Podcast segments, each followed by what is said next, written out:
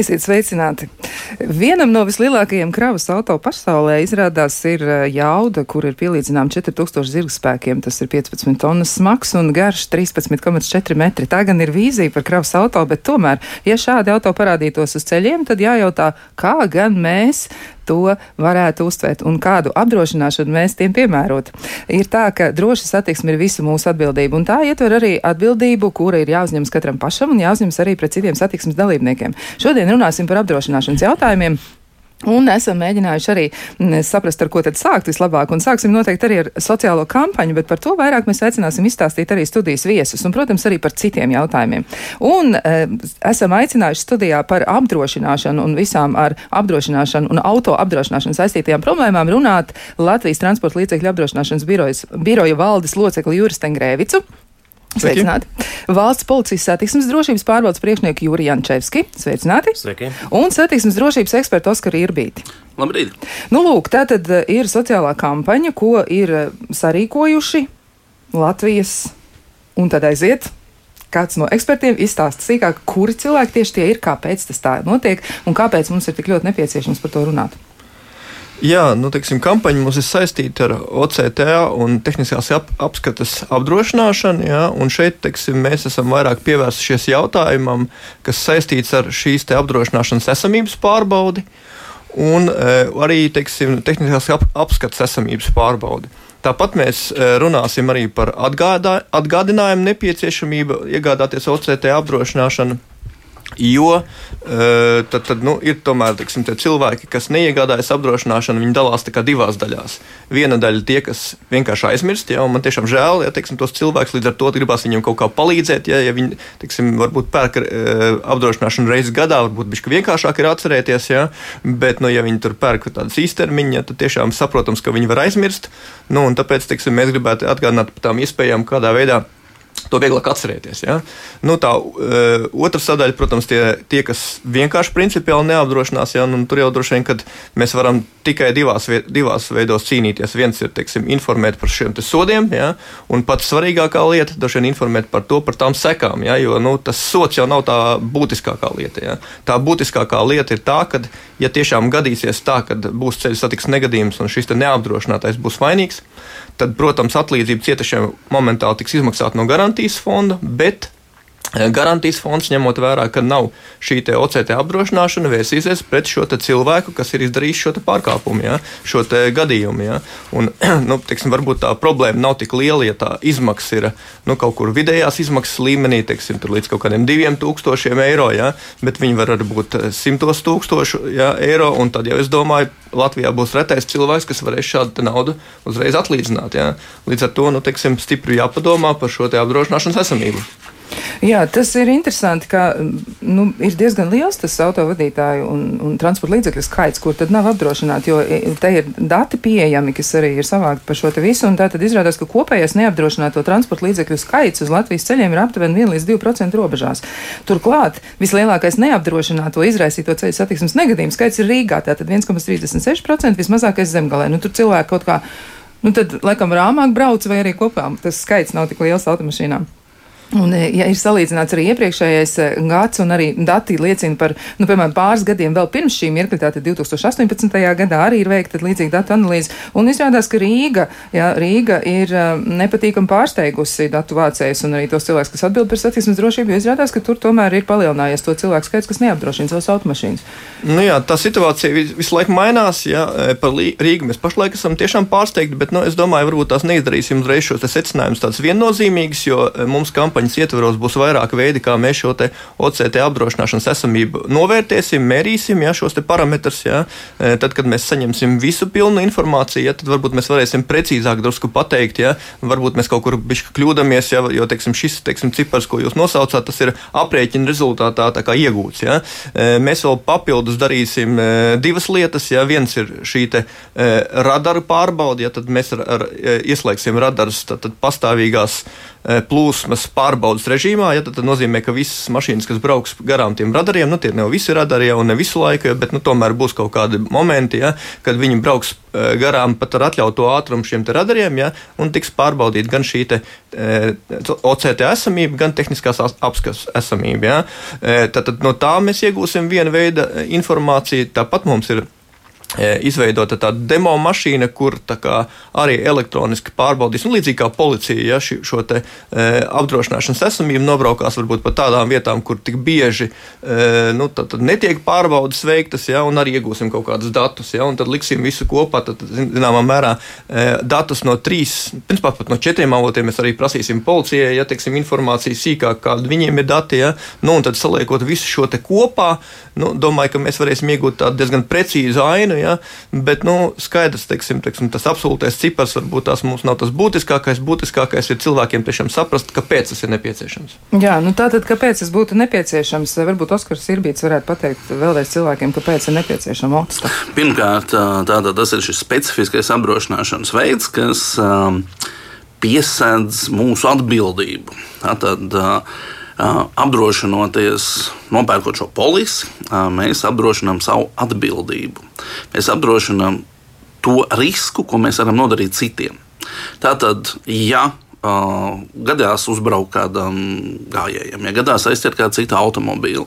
Tā līdz ar to uh, mēs no sevis noņemam šo finansiālo risku. Par mums maksās apdrošināšanas kompānija. Un līdz ar to, lai aizsargātu sabiedrības intereses, tātad, lai jebkurš satiksmes dalībnieks justos aizsargāts un zinātu, ka, ja kaut kas notiks, ja kāds būs neuzmanīgs un notiks šis ceļu satiksmes negadījums, viņš ir aizsargāts, vismaz finansiāli aizsargāts.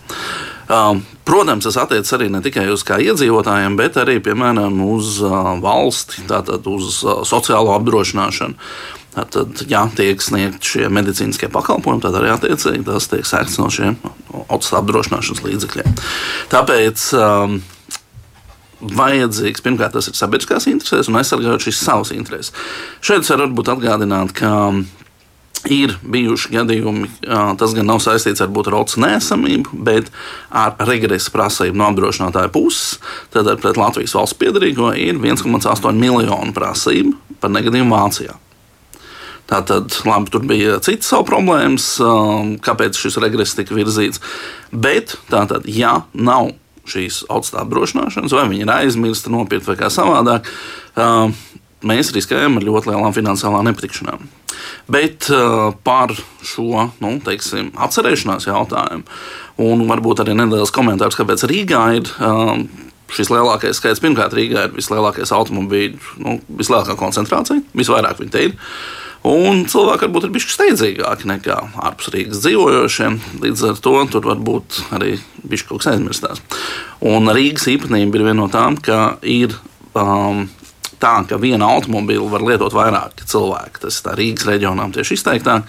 Vienā ģimenē vai kā. Un tad līdz ar to tas, kas brauc, tas nav īpašnieks, un tam varbūt neatnāk šis atgādinājums.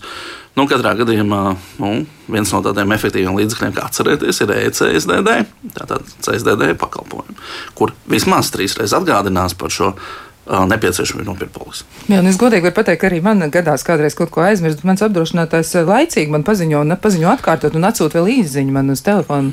Tā Jā, tas ir apdroš, gal galā ir apdrošinātājs gan pieskat šo cilvēku, gan nu, tas arī viņa biznesa interesēs.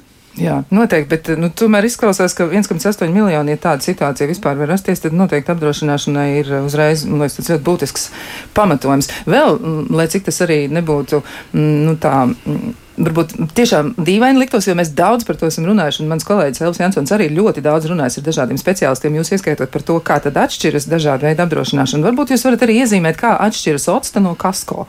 Ja, nu tad, lai būtu skaidrs arī uzreiz tiem cilvēkiem. Varbūt ir kāds arī, kas ir nesen iegādājies auto un nekad par to nav domājis. Tā tad atšķirība būtiskākā ir tā, ka tā tad. tā Otsta apdrošināšana ir šī civiltieskā apdrošināšana. Es apdrošinu savus riskus, ko es varu kādam citam nodarīt. Kasko apdrošināšana tā ir mana finansu aizsardzība. Tātad šī ir šī brīvprātīgā apdrošināšana. Un nopērkot kasko polisi, es apdrošinos jau pret uh, tiem gadījumiem, ko es sev varu nodarīt, vai kāds cits man var nodarīt.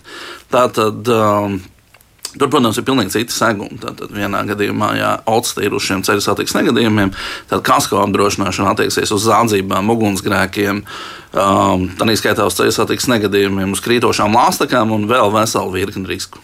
Jā, tā tad tur būs zināmas atšķirības, bet arī tā ir tāda tā kā dubultā aizsardzība. Un pat tad, ja jums tāds vecs vāģīts, tad noteikti arī tur var padomāt, varbūt, ka vajag. Nu, protams, ja tur pie ļoti veciem automobīļiem varbūt atmaksāšanās nebūs tik efektīva, bet, nu, jaunam automobīlim tas pirmkārt, jā, tas ir leasings vai kā tas ir obligāti. Obligāti to prasīs uh, leasing devējs. Bet uh, tā ir jā, ļoti efektīva savu interesu aizsardzība, jo gal galā šis ceļu satiksmes negadījumu un dažādu nelaimes gadījumu skaits tomēr ir liels. Nu, kaut vai tāpat iebraukšana bedrē riepas pārsešana, tas ir kas kausēgums. Jā, nu tā tad to noteikti paturam prātā, bet ir vērts izpētīt sīkāk un arī droši vien var izpētīt katru apdrošinātāju piedāvājumu ja, par to, kas Protams. tur ir un, un aprunāties arī ar, ar leasing devējiem ja, un tātad eh, ar šiem cilvēkiem. Bet pievēršoties eh, policijai savukārt, policijas pusē, ja, tad izrādās, ka m, mm, pirms kampaņas m, mm, tajā veiktajā aptaujā ir secināts, ka ļoti liels autovadītāju skaits, un te ir norādīts 40,4%. Nemaz nezinu, ka par piedalīšanos ceļu satiksmē bez derīgas otsta, polises un tehniskās apskates fotoradaru un policijas ekipāžas vienas diennakts laikā to cilvēku var sodīt vairāk kārtēji. Jā, tā arī ir. Un te gan ir jāpiemina, ka arī tajos gadījumos, kad šie fotoradari fiksē šo ātrumu pārkāpēju, Tad šis īpašnieks saņem eh, šo naudas sodu ne tikai par šo ātruma pārkāpšanu, bet arī mēs paralēli pārbaudām, vai šim transporta līdzeklim ir gan OCTA, gan arī tehniskā apskata. Kā eh, par katru izdarīto pārkāpumu ir atsevišķs sots. Ja vienlaicīgi tiek izdarīti vairāk pārkāpumu, tad sots būs par katru pārkāpumu. Un, ja šis vadītājs neapzinīgais eh, viņu fiksēs vairāk kārtīgi, tad, protams, viņš no katra šī fotoradara punkta arī saņem šo naudas sodu. Ar to ir jārēķinās.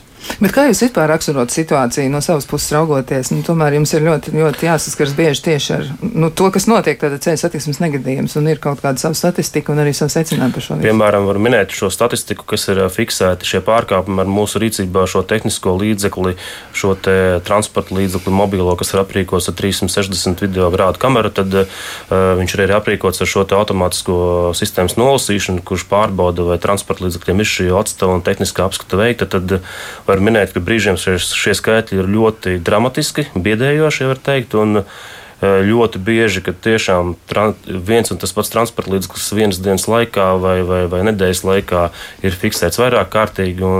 Var minēt, ka par e, iepriekšējo gadu, piemēram, šis mūsu uh, transporta līdzeklis fiksēja par OCTU 3453 uh, gadījumus, par tehnisko apskatu 3107. Eh, un šogad jau trijos mēnešos mums ir par OCU 837 vadītāji fiksēti un par tehnisko apskates nesamību 805. Tā kā tie skaitļi ir diezgan iespaidīgi. Papildus var minēt, ka arī naudas sods ir ļoti iespaidīgs, jo par šī, šīs tautas nesamību eh, atbildība ir paredzēta tieši transporta līdzekļu īpašniekam. Un šajos gadījumos, kad tiek piemērots šis sots neapturot transporta līdzekli, tas jau tiek piemērots minimālais naudas sots noteiktais, un tas jau ir 350 eiro. Tas ir diezgan iespaidīgi, un jūs varat iedomāties, ja īpašnieks saņem šādus vairākus lēmumus un to nezinot.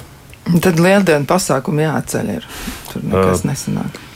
Nu, šeit, šeit, šeit, šeit jāatgādina arī, ka jā, klātienē tas ir arī soda punkti par to nāk. Jā, tā tad būs diezgan daudz iespēju. Jā, papildus nāk arī šis ietekmēšanas līdzekļu soda punkts. Tur ir divi soda punkti, ja tiek piemērots šis naudas sods uh, konkrētai personai, bet, uh, protams, ja ar fotoradaru fiksēs, tad būs tikai naudas sods. Bet kas ir tas, ko cilvēki parasti jums saka tajā brīdī, kad jūs eh, nu, saskaraties ar šo, šo situāciju? Viņam nav obligātā cilvēciskā transporta līdzekļa apdrošināšana, nu, viņš stāsta kaut ko no savas puses, viņam ir kaut kāds arguments. Kas tas ir, ko jūs esat dzirdējuši? Lielākā daļa parasti saka, ka netika saņemti atgādinājumi, ka viņi paļāvās šiem apdrošināšanas brokeriem, un, eh, vai arī viņš bija apdrošinājis kaut kādu tehnisku tehnisku varbūt, apstākļu dēļ šī apdrošināšana līdz galam netika noformēta, bet lielākoties jā, tas ir Viņi skaidro to, ka netika saņemta šī atgādinājuma no šīm apdrošināšanas sabiedrībām, no brokeriem. Līdz ar to arī viņš saulēcīgi nebija spējīgs šo apdrošināšanu iegādāties. Nu, protams, tā var notikt, var aizmirst kaut ko, bet tajā pašā laikā laikam, ja tas būs par atbildības uzņemšanos, ko pats cilvēks dara.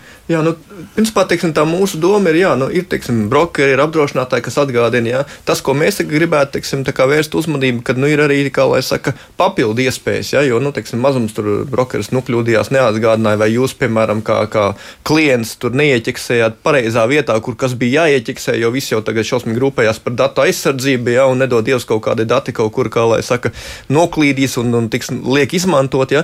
Līdz ar to, teiksim, ir tā LTAB OTS aplikācija, ja, kur mēs tad, tad arī no savas puses uzņemamies, kā lai saka, atgādināt, ja, un, nu, teiksim, jūs varat vienmēr pārbaudīt šo, šo te apdrošināšanu tur, ja, un, nu, un, un kā lai saka, nu, papildus iespēja, ja, kādā veidā jūs varat, nu, kā lai saka, būt drošāki, ja jums ir vēl kaut kāda papildu iespēja. Ja.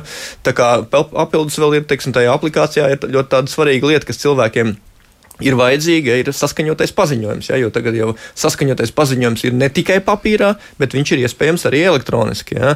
E, tur gan ir teiksim, tā īpatnība, ka, nu, diemžēl, arī otrai pusē ir jābūt elektroniskam, nu, teiksim, tā, šai te aplikācijai. Ja. Bet nu, e, nu, situācija, teiksim, tā, viss attīstās, iet uz priekšu, ja, un es domāju, pēc gadiem desmit, ja, diezgan liels būs brīnums, ah, tas papīrs saskaņotais paziņojums, jā, jā, bija tāds. Ja. Nu, tā kā es domāju, ka, kā lai saka, visi pamazām virzās uz to elektronisko pusi ja, un, un visiem tagad ir šie te veidi telefoni, nu, protams, ne visiem, bet lielākajai daļai. Ja, līdz ar to nu, teiksim, mēs arī cenšamies iet uz priekšu un izmantot arī šīs metodas. Ja. Jā, nu vēl piezīme no klausītājiem. Viņi tomēr, nu, laikam tas ir arī labākais veids, kā ilustrēt to situāciju un arī tad mēģināt izspriest, ko darīt. Mm, tie tā tad ir reāli piemēri no dzīves. Nu, redz, kur ir mums viena klausītāja raksta, jā, Ots te galīgi neattaisnojas īpaši es cietušais. Man bija tāds gadījums šī gada 1. janvārī. 1. janvārs, nu, nu, nu gads ir sācies ar gatīgi nelāk. Ja tā tad kāds auto stāvvietā iebrauc manā auto. To visu nofiksēja video kameras, es izsaucu policiju. Vainīga auto numurs un īpašnieks ir zināms arī apdrošināšanas kompānija, ja, tā, to mēs varbūt vārdā nesauksim. Ir pat policijas lēmums, kurā minēts vainīgais auto, un es esmu atzīta kā cietēji. Policija ir aizsūtījusi attiecīgajai apdrošināšanas kompānijai video, kurā viss ir skaidri redzams. Un līdz pat šai dienai vēl neesmu saņēmusi atlīdzību par remonta izdevumiem no vainīgā auto apdrošināšanas kompānijas, jo nesot kādu formalitāti policijas gala lēmums. Iespējams, ka lieta vēl no, lieta ir izskatīšanas stadijā, un šis lēmums nav pieņemts.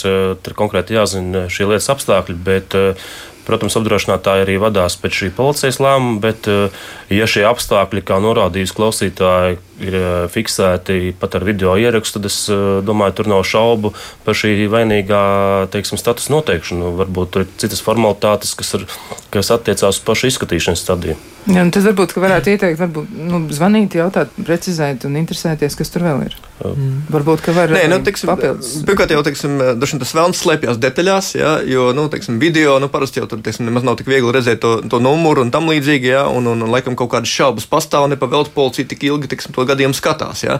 Tad, tad droši vien, ka pastāv kaut kādas šaubas par to izraisītāju, ja. Bet, nu, katrā ziņā, ja cilvēkiem rodās kaut kāda tāda nu, neskaidrība, viņi, teiksim, netiek tomēr kaut kā skaidrībā ar apdrošinātāju, viņš, piemēram, neizskaidro pietiekami, kāpēc tieši tā, kāpēc, piemēram, nu, tieši gaida šo formālo policijas lēmumu, ja teiksim, kaut kāds iemesls, ja, tad e, nu, viennozīmīgi var rakstīt arī oficiālu sūdzību LTAB, ja, tad, tad apdrošinātāju birojiem. Ja mums ir tāda funkcija no valsts puses uzlikta, ka mēs pārbaudām apdrošinātāju lēmumus, ja, nu, tad, tad, e, ja mums šāda sūdzība tiek iesniegta, ja, tad mēs arī izskatām un cenšamies parasti arī savā atbildē nedaudz dot vairāk skaidrojumu, kāpēc tas ir. Ja, jo nu, ļoti reti gadās tā, ka, kā lai saka, nu, tur nav nekas, ne, nav nekāda normāla pamatojuma. Ja? Parasti ir kaut kāds pamatojums, kāpēc tas aizkavējās. Ja? Bet, nu, protams, arī apdrošinātāji kļūdās, ja? nu, arī tā var gadīties. Ja? Nu, visādi var būt situācija. Ja?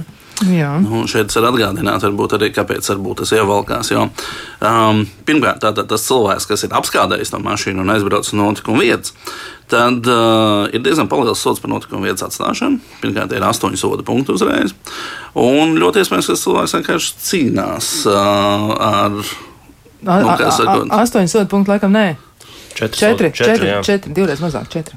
Nu, Bet katrā, tomēr daudz. Katrā jā. gadījumā jā, ir. Um, Līdz ar to cilvēks cīnīsies par savām interesēm. Iespējams, jā, šis atbildības saucamā persona realizē savas tiesības, varbūt uz pārsūdzību, Un uh, papildināt Oskaru, tad var minēt, tur ne tikai nopietnas naudas sots un sodu punkti, bet arī ir iespējama vadītāja apliecības atņemšana uz laiku. Tā kā iespējams, ka lēmums varbūt ir pieņemts jau, bet cilvēks vienkārši viņš nav stājies spēkā, viņš ir šis pie atbildības saucamais vai vainīgais ir šo lēmumu pārsūdzējis. Bet tur jāzina lietas apstākļus, varbūt ieteiktu šim cilvēkam vērsties arī policijā, kas skatīja šo lietu, lai paskaidro sīkāk par šo te lietas izskatīšanas teiksim, procesu un stadiju. Labi, bet vēl tomēr ir acīm redzot nepieciešams precizējums, jo viens no klausītājiem raksta, ka, ja soda ar, eh, ar fotoradaru un fotoradars, tā tad var fiksēt šīs lietas, jā, var tā tad noteikt, vai eh, auto ir apdrošināts vai nav, to visu var pārbaudīt. Un eh, tātad viņš raksta, ja soda ar fotoradaru par braukšanu bez otsta vai tehniskās apskates, tad var piemērot tikai vienu sodu līdz tam brīdim, kamēr sods man ir zināms. Es īsti neizpratu šo te teikumu, bet nu, tūlīt sapratīsim, kas ir kas. Un ja sods kā līdzeklis būtu izmantots, lai veicinātu noteikumu ievērošanu, tad būtu labi, bet nevis nu, tā kā valsts kases pildīšana. Nu, varbūt Oskars Irbīts varētu komentēt šo. Nu, kā tas izskatās no jūsu puses? Pirmkārt, jāatgādina viena lieta, kad ir uh, mainīts administratīvais likums, jo um, jāgrāk bija par šo lielāko pārkāpumu tikai uzlikt sodu. Tad tagad ir uzlikt par visiem, kas tiek konstatēti. Tad uh, ir kādu brīdi jau šīs izmaiņas spēkā. Tātad, principā, no pērnā gada. Un uh, līdz ar to. Um, Pirmkārt, atgādinu vēlreiz to, ka šī otsta tieši ir saistīta ar šīm materiālām interesēm. Tas nedaudz, ne tik daudz ir šīs valsts budžeta pildīšanas jautājums ar šiem sodiem un tā tālāk, bet tas ir tieši sabiedrības interešu aizsardzība vistiešākā veidā. Ar to, ka ja cilvēkam ir šī apdrošināšana, tad pārējie no viņa riskiem ir aizsargāti. Tātad tas nav tā kā cilvēks nevis uh, sev labumu gādā, bet viņš gādā, lai sabiedrības intereses būtu aizsargātas tieši nopērkot šo auto apdrošināšanu. Jā, nu, klausītāji arī saka, vai atkal par auto apdrošināšanu, cik var malt vienu un to pašu dzīvības un veselības apdrošināšanu Latvijā vairs nepastāv. Jā, ļoti interesēti arī šie te temati. Mēs noteikti, noteikti par to runāsim, bet Oskaram Irbītim ir vēl arī par to, ko pateikt. Arī veselības izdevums. Jā, un ja vispār, vai ir dati par to, cik Latvijā ir tad automašīna, cik iedzīvotāji procentuāli brauc ar auto? Bet to um, vispār ir iespējams aprēķināt. Ir aptuvenais skaitlis, cik ir tie automobīļi, kas aktīvi piedalās satiksmē. Tie ir aptuveni 750 tūkstoši. Uh, reģistrēti ir virs miljonu, Daudz. bet uh, ne visi piedalās aktīvi satiksmē. Tātad ir kaut kāda specifiska transporta vienības, ir uh, kolekcijas auto vienības, kas aktīvi nepiedalās satiksmē. Viņi reģistrēti ir vai nu, teiksim, kaut kādu laiku, varbūt reģistrācijas ir pārtrauktas. Tātad tāda mums ir pāri pa miljonu. Bet tie, kas iziet tehnisko apskati, tie, kas tiek apdrošināti un nobrauc vismaz pāris tūkstošu kilometru, mums tāda ir apmēram 750 tūkstoši. Nu, vēl viens jautājums arī, ja ir mašīna, nu, piemēram, viņa aktīvi netiek lietota satiksmē, mašīna stāv garāžā, ir, nu, nav aktīvi, ir noņemta no uzskaits, tad kas tad notiek? Ko, ko tad mēs darām? Nekas nenotiek. Turam garāžā nebraucam uz ceļa. Tiklīdz tik izdomājam izbraukt uz ceļa, liekam uzskaitē, pērkam austu. Jā, tā tad tūlīt pat arī ir jārīkojas. Nu, nevar tā vienkārši vizināties, jo tur pie kaimiņa aizbraukt. Un... Oh. Interesanti lieta varbūt tās šajā tieši sakarā, ko jūs teicāt, jā, ir tas, ka, teiksim, kādā veidā Eiropa skatās uz šiem jautājumiem. Jā, un tur ir tā, ka Latvijā ir tā, ka, nu, ja tev mašīna, teiksim, ir garažā, jā, teiksim, un, un, un es nezinu, nu, viņai, nu, pat ja viņi nav dereģistrēti, ja viņi tiešām pastāv reģistrācijā, jā, neviens tā kā neprasa obligāti būt apdrošinātai šai mašīnai. Jā. Ja mēs paskatāmies Eiropas pieredzi, jā, tad tur jau ir gājuši tālāk, ja tā mašīna ir reģistrēta reģistrēta, tad viņai jābūt arī apdrošinātai. Ja? Jo nu, tur gadās kaut kādas situācijas, kad, ka, lai saka, nu, tā mašīna tomēr izkustās, kāds viņu tur teiksim, paņem, kas ne, kam nebija jāpaņem tā mašīna, ja? nu, jo atslēgas stāvēja tur pātās, ja? un visādas nepatikšanas rodās, ja tā mašīna iztaisa kaut kādus pārkāpumus, nu, tad nu, kaut kādas avārijas, ja? nu, pēc tam izrādās, ka nav kam sekt, ja? un beig beigās tas pats īpašnieks, ja, vai, vai, vai varbūt tas, tas vadītājs. Nu, katrā ziņā kādam ir jānomaksā tas gala rezultāta, tas rēķins. Ja. Un, un šeit, teiksim, nu, tad, tad Eiropa, ja, nu, teiksim, tās attīstītākās valstis uzskata, ka viņam ir jāparūpējas par cilvēkiem, ja, un tā, tā, tā schēma jātaisa stiprāk. Ja. Nu, mēs pagaidām tik tālu neesam aizgājuši, ja, bet nu, tā globāli mēs virzamies tajā virzienā. Ja. Labi, bet ir viens tāds precizējums nepieciešams saistībā tieši ar aktuālo situāciju pasaulē un nepārāk tālu no mums. Tātad, kas notiek, ja cilvēki ierodas no citas valsts, piemēram, Ukraina? Ja viņi lieto auto satiksmē, Jā, nu, e, ar Ukraiņu mēs esam, kā, kā lai saka, to jautājumu stipri papētījuši, ja, jo nu, ir tā, tiešām tā situācija, kad Ukraiņi arī šeit ir atbraukuši, viņiem, e, nu, kā lai saka, mēs visi jūtam līdzi. Ja, un ir tā, ka cik tas arī jocīgi nebūtu e, Ukrainā joprojām strādā apdrošinātāji. Viņi nav tur galīgi iznīcināti, jā, un tad, tad mums ir arī e, Ukraiņas birojs, kas strādā, arī atsūtījis informāciju par saviem apdrošinātājiem, un principā ir iespējams attālināti apdrošināties arī Ukrainā. Jā. Tā ir tā saucamā zaļā karte, to ir iespējams nopirkt attālināti. Jā. E, nu, tur varbūt pirms tam teiksim, tā iespēja attālināti gluži nebija, jā, bet nu, tagad, ņemot vērā to, to situāciju, tad viņi ir izveidoti. Jā. E, papildus, ja nu tomēr kaut kas noiet greizi, jā, un, un tad tad Ukraiņas nevar nopirkt šo OCT apdrošināšanu uh, savā valstī, nu, kas saucās zaļā kārtā, ja, tad viņiem ir iespēja iegādāties arī apdrošināšanu tajā valstī, kur viņi nu, do tā brīdī atrodas. Ja. Nu, piemēram, ja viņi atrodas Latvijā, viņi var nopirkt Latvijas apdrošināšanu. Ja. Tā viņu gadījumā valsts, tad mašīna reģistrēta citā valstī, saucās robežu apdrošināšana, cits, cits veids līgums, bet nu, principā viņš neko neatšķirās. Ja.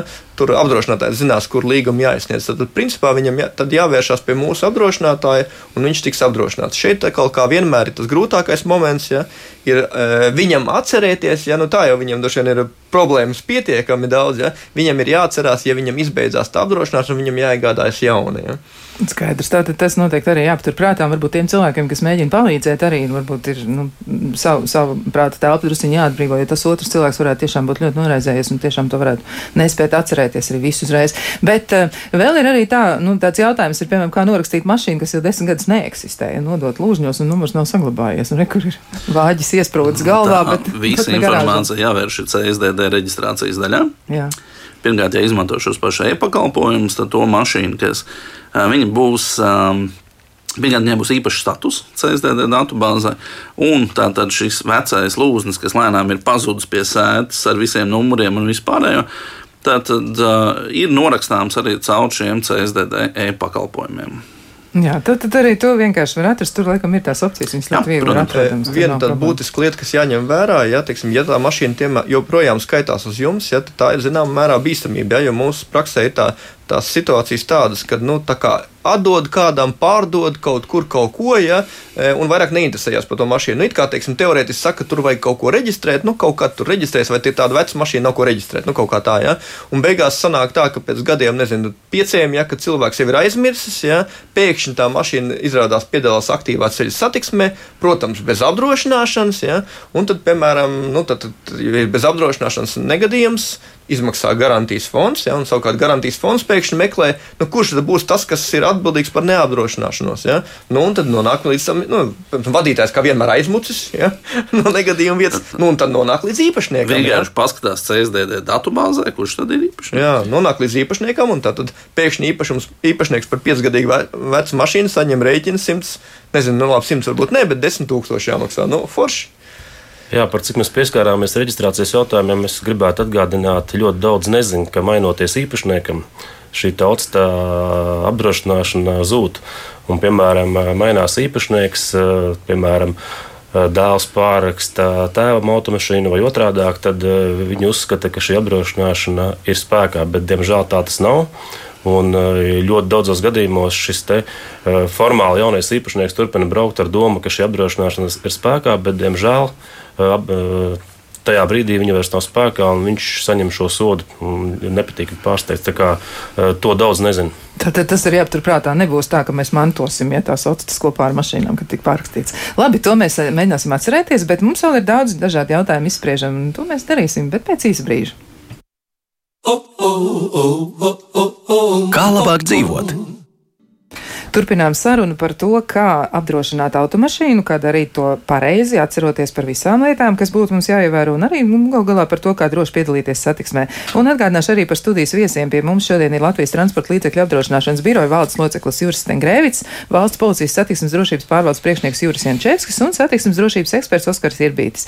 Bet es gribētu apjautāties uzreiz arī Jurim Jančevskim, varbūt jums ir arī nu, tādi dati, vai varbūt jūs varat kaut kā kopumā raksturot to situāciju. Kas ir tās biežākās lietas, ko jūs novērojat, kas ir problēma, kas noved līdz ceļu satiksmes negadījumam. Protams, tur ir ļoti dažādas situācijas, tas ir skaidrs un dzīve ir neparedzama, bet tomēr varbūt ir kaut kas tāds, par ko mēs domājot, varētu teikt, ka to iespējams ir novērst. Piemēram, ar laicīgu tehnisko apskatu. Nu, ir kaut kas tāds, jūs saprotat, ir mašīnai kaut kāda defekta, un varbūt tas ir bijis pamatā, un varbūt tā procentuāli ir ļoti daudzos gadījumos.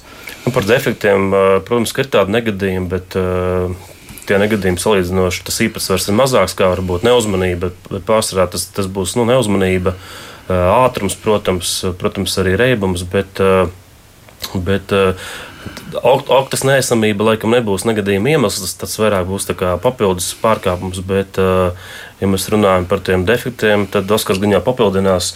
Arī daudzos gadījumos, negadījumos ar izskatīšanas laikā tiek nozīmēta šīs tehniskā stāvokļa ekspertīze. Un nereti ir gadījumi, ka tiešām šis tehniskais stāvoklis ir iemesls šim negadījumam. Jā. Mm, Jā, nu, Oskar. Ja runājām par tieši tehniskā stāvokļa ietekmi, tad jāsaka, ka šie negadījumi ir salīdzinoši maz. Tas nav tā, ka tas būs viens no galvenajiem iemesliem, bet tie būs pat nu, noteikti zem 5%. Ja runājam, kas tad ir tie defekti? Nodiluši riepas vai neatbilstoši riepas, piemēram, ziemas sezonā. Bremžu stāvoklis. Tātad laiks nenomainīts, kādas detaļas ir, piemēram, bremžu uzliks, bremžu diski nav nomainīti. Katrā gadījumā šo um, skatu uz faktisko tehnisko stāvokli mums ļoti spilgti atspoguļo uh, CSDD un policijas kopīgi veidotie reidi. Un, diemžēl šajos reidos uh, vienmēr ir kāds, kas paliek arī bez numuriem. Tātad tas tehniskais stāvoklis ir tāds, ka vienkārši tālāka automobīļa piedalīšanās satiksmē ir absolūti bīstama. Uh, piemēram, krausa automobīļiem tiek konstatēts dažreiz, kad ir piemēram piekabēm ir demontēta daļa bremžu sistēmas. Tā tad uh, pilnīgi bezatbildība no šo īpašnieku puses un tieši apdraudējums satiksmē. Tāpēc šīs tehniskais stāvoklis, nu, kā sakot, pa laimi nav pārāk bieži tāds iemesls, bet ir gadījumi, kad, diemžēl, to nākas saskarties. Labi, bet eh, satiksmē nav tikai autovadītāji, satiksmē ir arī gājēji un eh, arī visādi dažādi citādi jauni rīki ir parādījušies elektriskie skrējriteņi, un vēl ir arī citas mazākas vienības. Kas notiek ar, piemēram, velosipēdistu un autovadītāju, eh, kas ir ar? Šeit ir jāatgādina viena lieta, ka mēs runājam par autostu apdrošināšanu transportam tad uh, cilvēkam katrā gadījumā ir iespēja iegādāties arī savu brīvprātīgo cilvēcisko apdrošināšanu. Un um, tad, ja viņš, viņa bērns, viņa suns vai uh, kā citādi ir nodarīts kaitējums citiem, nu, piemēram, kaut vai kaimiņi nopludināti vai kā savādāk, tad šī brīvprātīgā cilvēciskā apdrošināšana šos zaudējumus sēdz. Tāpēc, ja velospēdists ir apzinīgs un uh, saprot šos riskus, ko viņš var nodarīt citiem, tad eh, viņš var apdrošināt šo savu cilvēcisko atbildību. Tad, līdzīgi tā kā ir automobīlim, tā viņš var pats brīvprātīgi, bet jāsaka uzreiz, ka eh, šai brīvprātīgajai apdrošināšanai ir daudz plašāks segums. Kā jau teicu, bērni, suņi, nopludināti kaimiņi. Jā, nu tad, tad tur būs daudz, kas eh, cits vēl arī klāt pie visu. Nu, rekā, vēl klausītāji arī jautā par eh, to, ko tad mūsu studijas viesi nav pastāstījuši, kā ārzemēs eh, apdrošināšana var pārlikt no vienas mašīnas uz otru, kura ir īpašumā. Varbūt jums ir precizējums par to, kā nu, tur īsti notiek. Grūti pateikt, teiksim, tur katrā valstī kāda sistēma, ja, bet, nu, ja mēs runājam par mūsu sistēmu, ja, nav jau, teiksim, nekādas problēmas. Nu, šeit ir vienkārši jāzina tas fakts, ka īpašniekam, nu, ja kā, nu, eh, ja īpašnieks mainās automašīnai, ka šī apdrošināšana izbeidzās, bet tā nauda jau nekur nepazūd. Ja? Eh, tad, tad to naudu, kas ir neizmantota, ja no apdrošinātāja tu vari saņemt eh, atpakaļ ja? un noslēgt jaunu līgumu ja? nu, jaunam īpašniekam. Ja? Tā kā nekas jau nekur nemainās. Ja? Šeit ir vienkārši tas jāatcerās, ja? un jā, kā saka, tā nauda apdrošinātājiem jāpaprasa, un ja jūs droši vien drošināsiet pie tā, tā apdrošinātāja, tad vispārīgi reāli nekāda naudas kustība varbūt pat nenotiks. Ja? Vienkārši tā nauda tiks pārlikt uz to jaunu no polis. Ja? Šeit ir vienkārši tā lieta jāatcerās, un tāpēc arī Ja, kā lai saka, e, kādreiz radās šaubas, ja, tad vai nu, teiksim, LTB mājaslapā var paskatīties, vai, vai tajā pašā LTB aplikācijā, ja var vienmēr noskaidrot, kā tiešām ir, kas ir tiešām datubāzē, vai šī polise vai šis e, transporta līdzeklis ir apdrošināts vai nav. Ja, jebkurā gadījumā. Tas arī attiecās uz tiem gadījumiem, kad jūs, piemēram, iekļūstat negadījumā. Jūs gribat zināt, vai pretējai pusē, piemēram, ir apdrošināšana, ja, kādā apdrošināšanas sabiedrībā ir, kur jums būs, piemēram, jāvēršās pēc palīdzības, ja jūs būsiet, būsiet cietušais. To visu var noskaidrot ja, LTB e, mājaslapā, un tā būs tiešām informācija no datubāzes, ja, un pat tajos gadījumos, kad policija ja, e, pārbauda OCT esamību. Ja, viņa arī reāli tiksim, sistēma sas, saslēdzās ar mūsu sistēmu, un šī te, e, apdrošināšanas pārbauda tiek veikta sistēmā jau mūsējā. Ja. Tā kā, nu, principā tie dati tur ir absolūti precīzākie, ja, jo praksē diezgan bieži notiekās tā, ka nu, kaut kas tur nenostrādāja, nezinu, tādīs, teiksim, slēdz caur brokeri, ja, kaut kas likās tā kā, nu, kaut kā, nezinu, vai nostrādāja vai nenostrādāja, liks kaut kā aizdomīgi. Ja. Nu, vienmēr var paskatīties neatkarīgi LTV datubāzē, jā, nu, policija ir spēkā vai viņi nav spēkā. Ja.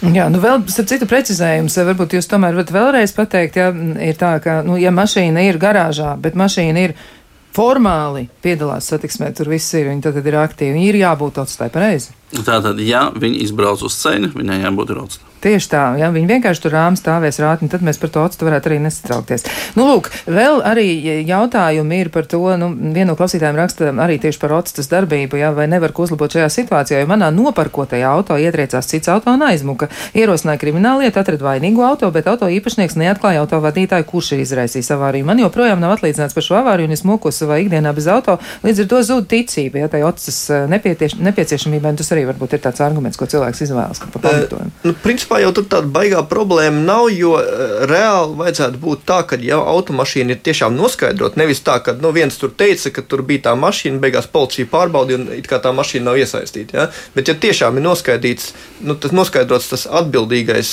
uh, nu, transporta līdzeklis, tad atlīdzība pie, pienākās vai no, no šī atbildīgā transporta līdzekļa apdrošinātāja, vai arī no uh, teksim, garantijas fonda, ja viņš nav apdrošināts šis ir transporta līdzeklis. Bet, nu, teiksim, šeit diezgan bieži ir tāda situācija, kad nu, it kā ir doma, ka tas ir viens transporta līdzeklis, bet pēc tam, kad sāk izmeklēt, tad izrādās nemaz nav. Ja? Nu, tad, teiksim, tad jūs tādā gadījumā varat glābt tikai brīvprātīgu apdrošināšanu, ja jūs apdrošināt savu transporta līdzekli. Ja?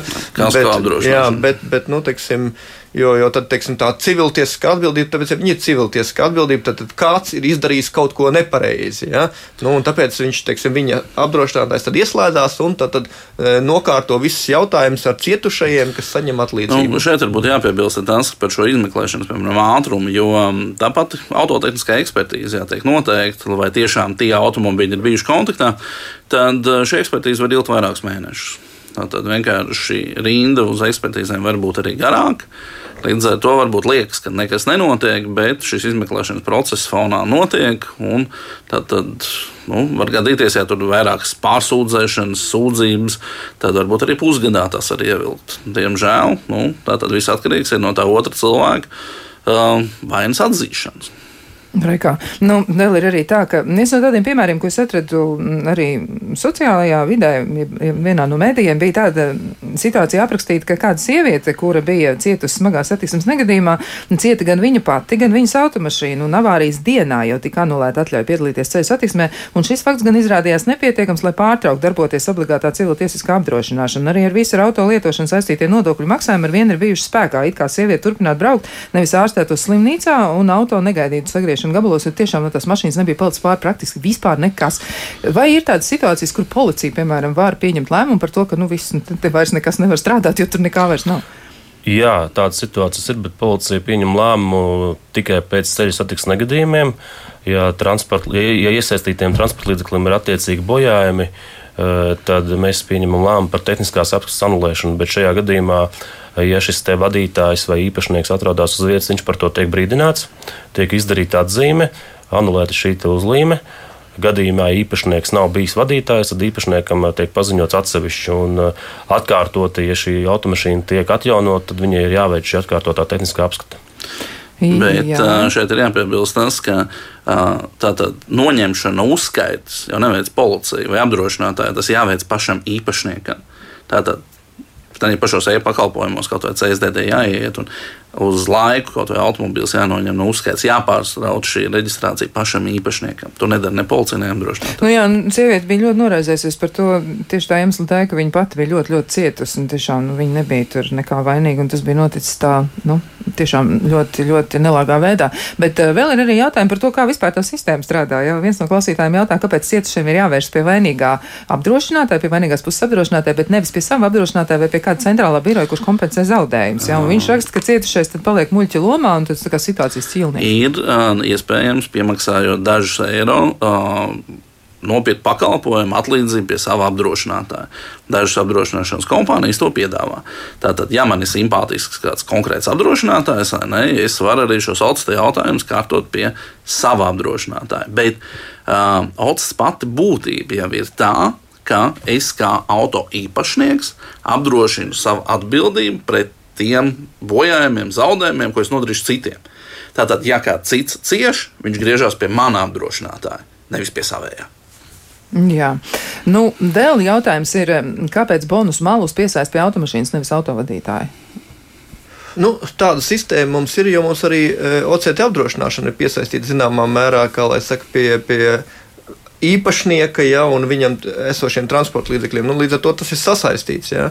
Šeit varbūt tās teiksim, nu, nevajadzētu dikti koncentrēties ja, uz, uz to, jo bonus malus, nu, tā, protams, mēs praksē redzam, ka viņš ļoti ietekmē šo apdrošināšanas cenu.